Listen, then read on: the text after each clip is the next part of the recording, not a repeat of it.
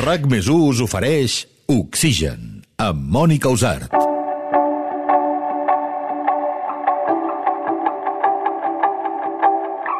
En aquest episodi parlem de sequera.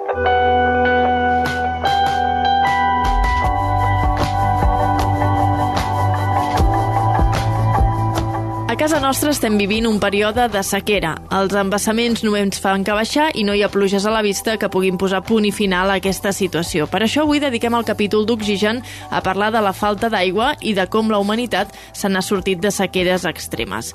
Per fer-ho hem convidat al Mariano Barrientos, ell és paleoclimatòleg. Benvingut i moltes gràcies. Hola, gràcies a vosaltres. La sequera que vivim actualment, Mariano, és de les més fortes que hem tingut, tu que estudies sequeres passades?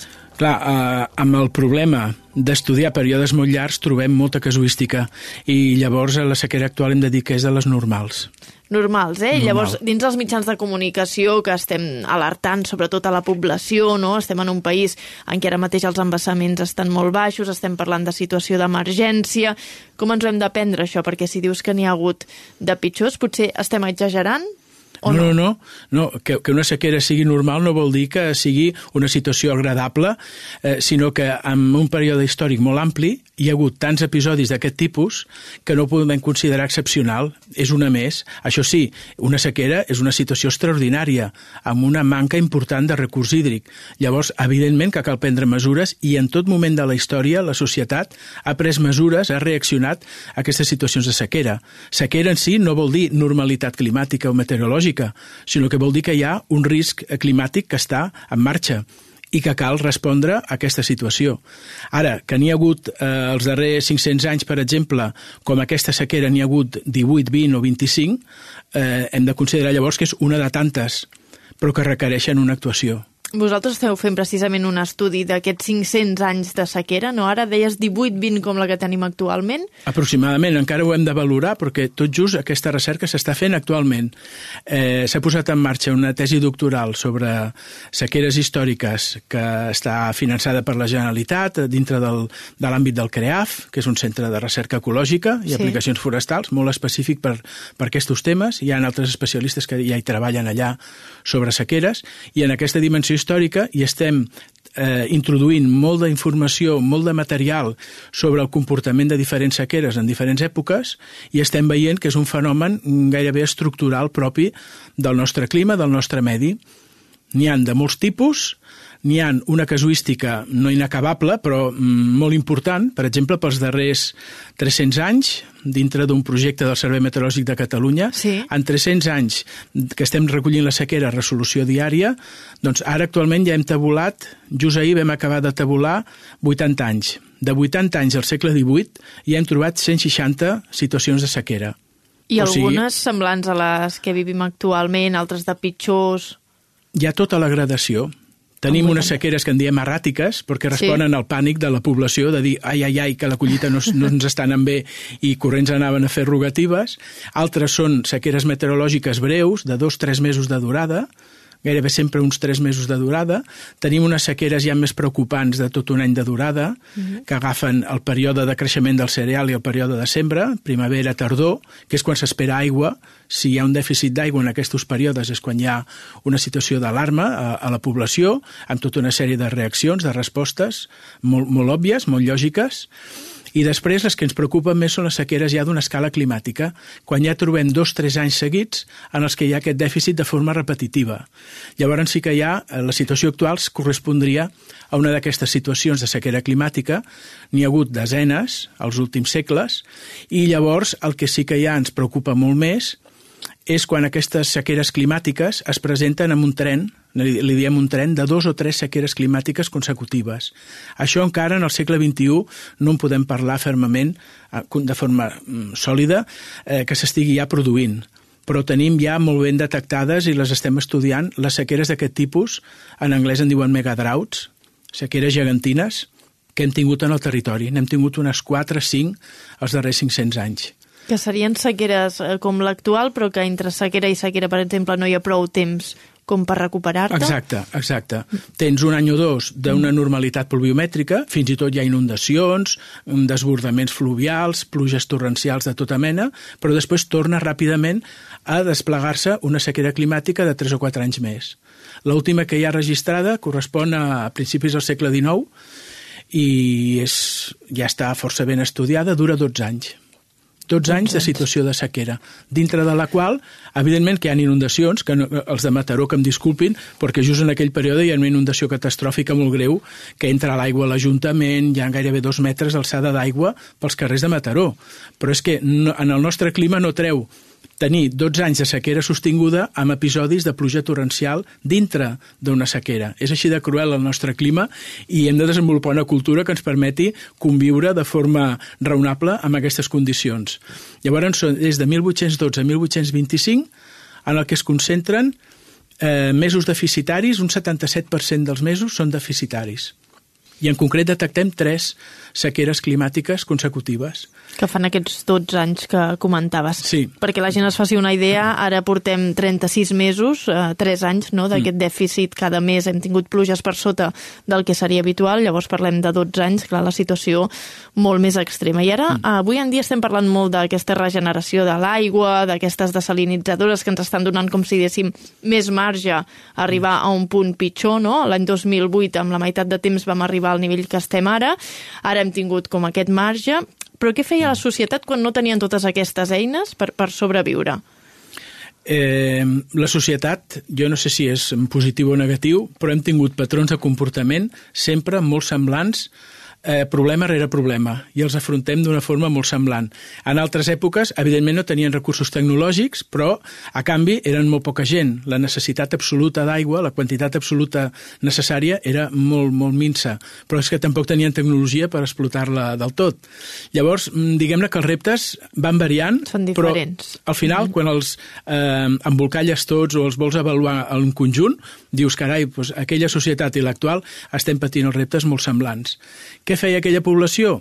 Doncs el més bàsic, pràcticament el mateix que nosaltres, reduir els consums d'aigua de boca al mínim possible. Jo sempre faig la broma, amb els meus alumnes els explicava i els deia la, la broma aquesta. Hi havia uns estocs immensos de producció de vi en el territori, un vi que no, diguem, no, no tenia la qualitat que desitjaríem avui en dia, pel paladar que, que té avui en dia la gent, però hi havia molt de vi. Llavors, doncs mira, redueixes una mica, tampoc molt, perquè ja diguem-ne que la higiene i el, el consum d'aigua ja era molt reduït, i llavors el que feien era anar bevent vi que els donava una garantia de potabilitat respecte a les aigües que poguessin quedar en aquell moment amb molts baixos nivells freàtics o nivells fluvials molt baixos, la resposta era incrementar el consum de vi. No estic aquí ara reclamant a la població que es llenci un consum que... etílic desmesurat. Ja veig el titular, eh? Davant de la sequera, bueno, millor beure vi que beure aigua. En aquells moments, quan no hi havia garanties de potabilització de l'aigua i era tan escassa, abans estava ben gèrmens i fangs i, i qualsevol substància i les pròpies aigües facals descontrolades, doncs anaven cap al vi. I després, pel tema energètic, per exemple, avui en dia estem ja preocupats pel baix consum, perdó, la baixa producció d'energia hidroelèctrica o de o de la capacitat de refrigeració dels centrals nuclears. Mm -hmm. És el problema que ens, que ens té ara també, quan hi ha una sequera greu, molt concernits. Bueno, doncs en aquella època, exactament el mateix, els molins hidràulics baixava el nivell dels rius o de les sèquies, dels canals, i els molins no funcionaven, no es podia fer farina. Era un drama perquè la gent necessitava pràcticament el 80-90% de la dieta era pa, tenien un problema greu de no poder obtenir suficient pa a les poblacions, sobretot més grans. Sí. Pues, què havien de fer? Molins de vent. I què estem fent ara? També molins de vent. No podien fer trasbassaments perquè no hi havia prou tecnologia, però molins de vent. Allà on fos i de forma circumstancial. I en casos ja crítics, el que en deien molins de sang. Posar un ruc a donar voltes a la roda del molí o si tens esclaus, ah. en aquella època diguem-ne que el recurs humà, esclaus o, o voluntaris, voluntaris que deien, jo vull, necessito fer farina, sóc el forner, necessito farina, doncs em poso aquí a, a, a moure jo mateix la roda de molí. I en el tema de l'agricultura, doncs, evidentment, eh, es passava un impacte molt greu en les zones de secà, es potenciava el màxim possible la producció en zones properes a les ciutats, amb regadius, amb una bona fertilització del terra, es procurava incrementar, es feien millores, i això sí, quan l'impacte esdevenia, doncs, era un impacte que calia gestionar doncs, amb els processos típics d'una crisi de subsistència, però com ho estem patint ara, inflació, escassetat de recursos, necessitat de moure d'un mercat a un altre productor eh, els excedents que hi pugui haver de cereals, disputes per aquest excedent, com està passant exactament ara, que tenim aquesta crisi, no hi ha només de comarca per comarca, sinó a un nivell ja més global. La situació és força semblant. Clar. Eh? En el cas de l'àmbit l'àmbit urbà, això sí, el racionament de l'aigua i eh, un altre tema que també és molt reiteratiu, començar a revisar, aprofitant que no hi havia gairebé aigua en els canals i les canonades, començar a revisar les instal·lacions, detectar fuites, reparar-les. Fa 500 anys es feia més o menys el mateix que ara.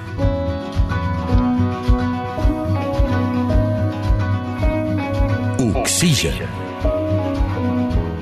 Et recupero el tema de l'agricultura perquè són dels primers més afectats quan es van començar a fer talls d'aigua. A més a més, no, no hi ha més remei, no? Tu, si fas uh, talls d'aigua, ho dius en una zona, hem de reduir el consum, però un hotel vol consumir aquella aigua, ho farà i no se li pot tallar de cap manera, sí que es poden posar multes, tot plegat, no? Però els que pateixen des del primer moment són els agricultors que se'ls talla l'aigua i d'aquí no passen.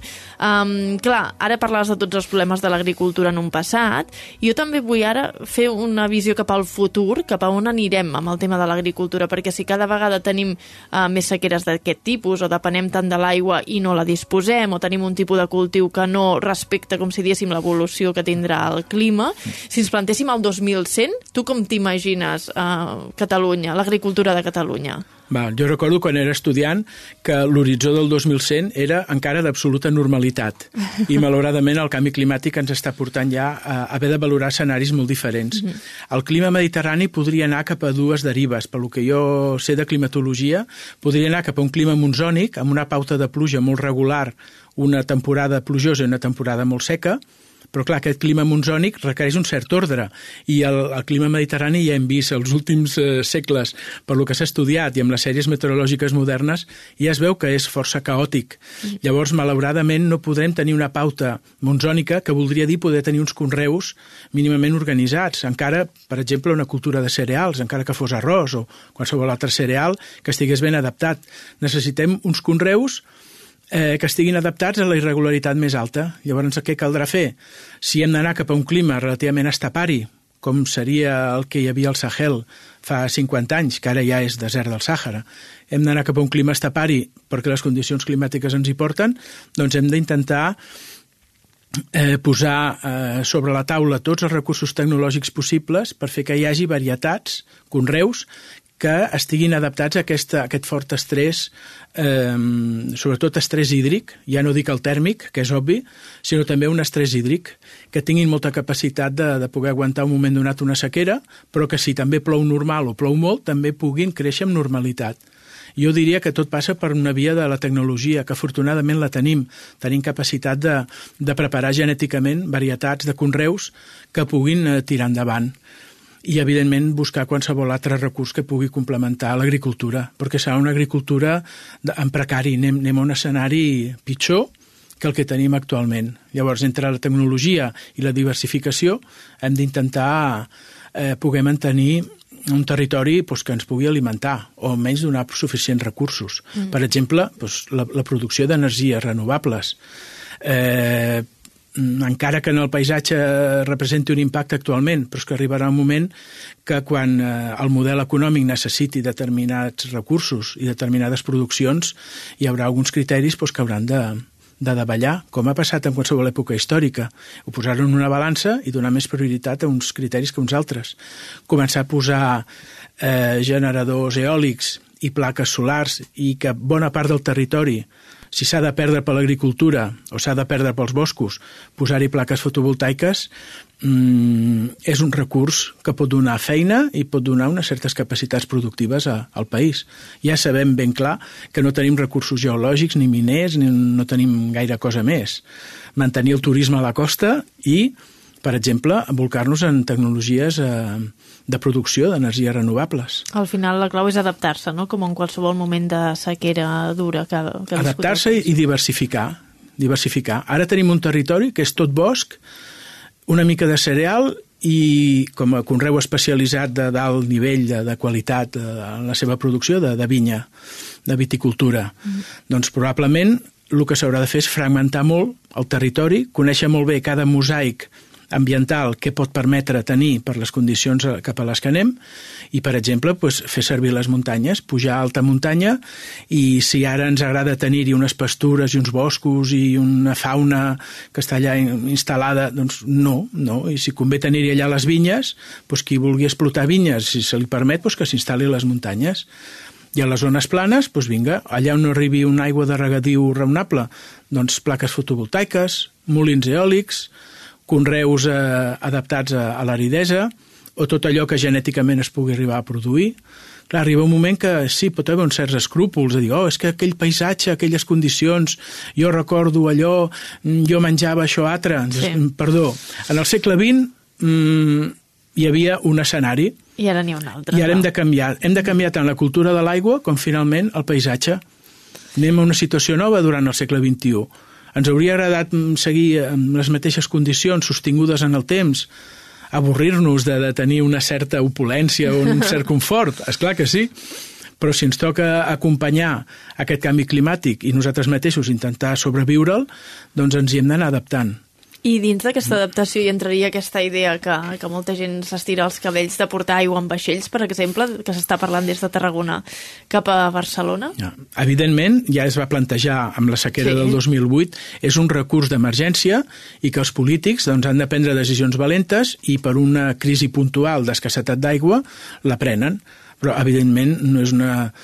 Si és que la sequera ha d'esdevenir un fenomen tan persistent o tan freqüent en el segle XXI, no és evidentment una solució a llarg termini ni pot ser estructural. Cal anar cercant altres eh, adaptacions per un, com una mesura d'urgència per una situació puntual, doncs sí, afortunadament tenim tecnologia per fer-ho. Uh mhm. -huh. La pobra gent a l'edat mitjana no s'ho podien ni plantejar, això aquests moviments d'aigua d'aquest tipus, ni bombar aigua ni elevar aigua, no podien. En canvi, nosaltres podem.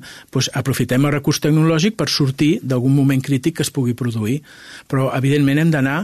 Si estem entrant al segle XXI i hi ha conscienciació de que les condicions climàtiques ja són diferents, hem d'anar també, pel tema del recurs hídric, cap a una nova cultura de l'aigua hem d'aparcar, deixar-ho ja gairebé com a peça de museu d'història, encara que sembli molt, molt fort, perquè fa poc que el vam deixar, però al segle XX l'hem d'anar portant cap a una vitrina de, de museu d'història, ja sigui local, de, de, de tot Catalunya, a tots els museus d'història, anar posant ja peces del segle XX i nosaltres deixar-lo allà ben tancadet i fer l'exercici d'intentar mm, veure cap on està anant el segle XXI en el tema dels recursos naturals. Clar, perquè en teoria, veient les sequeres passades, podeu analitzar com anirem de cara al futur. És veritat que ens dediquem al pronòstic del temps també, no?, els meteoròlegs, i sabem que tu agafes mapes i poden anar cap aquí o cap allà, és una probabilitat. Mm. Si tu mires sequeres passades, eh, pots analitzar i llavors fer un reflex de cara al futur i dir anem cap mm. aquí? Sí, eh, pel que serien els agents de la circulació atmosfèrica, com es comporta l'atmosfera per produir una sequera en època històrica, això ho coneixem, sabem quins són els processos que ho expliquen i, malauradament, veiem que en el present s'estan produint aquests mateixos processos. La causa única o la causa principal que tenim avui en dia, podríem dir que el canvi climàtic, l'escalfament global, eh, és un dels agents importants, n'hi pot haver d'altres de naturals, en altres èpoques hi ha hagut sequeres produïdes per aquests factors naturals i l'alteració a l'atmosfera sí que és la mateixa. Són circulacions molt febles del jet stream, d'aquests corrents que té l'atmosfera en alçada, i això fa que durant un període anòmalament prolongat de temps tinguem masses anticiclòniques centrades, doncs, en aquest cas, sobre Europa Occidental. Això és el que es dona situacions molt eh, exteses en el temps de dèficit pluviomètric perquè les borrasques no hi circulen.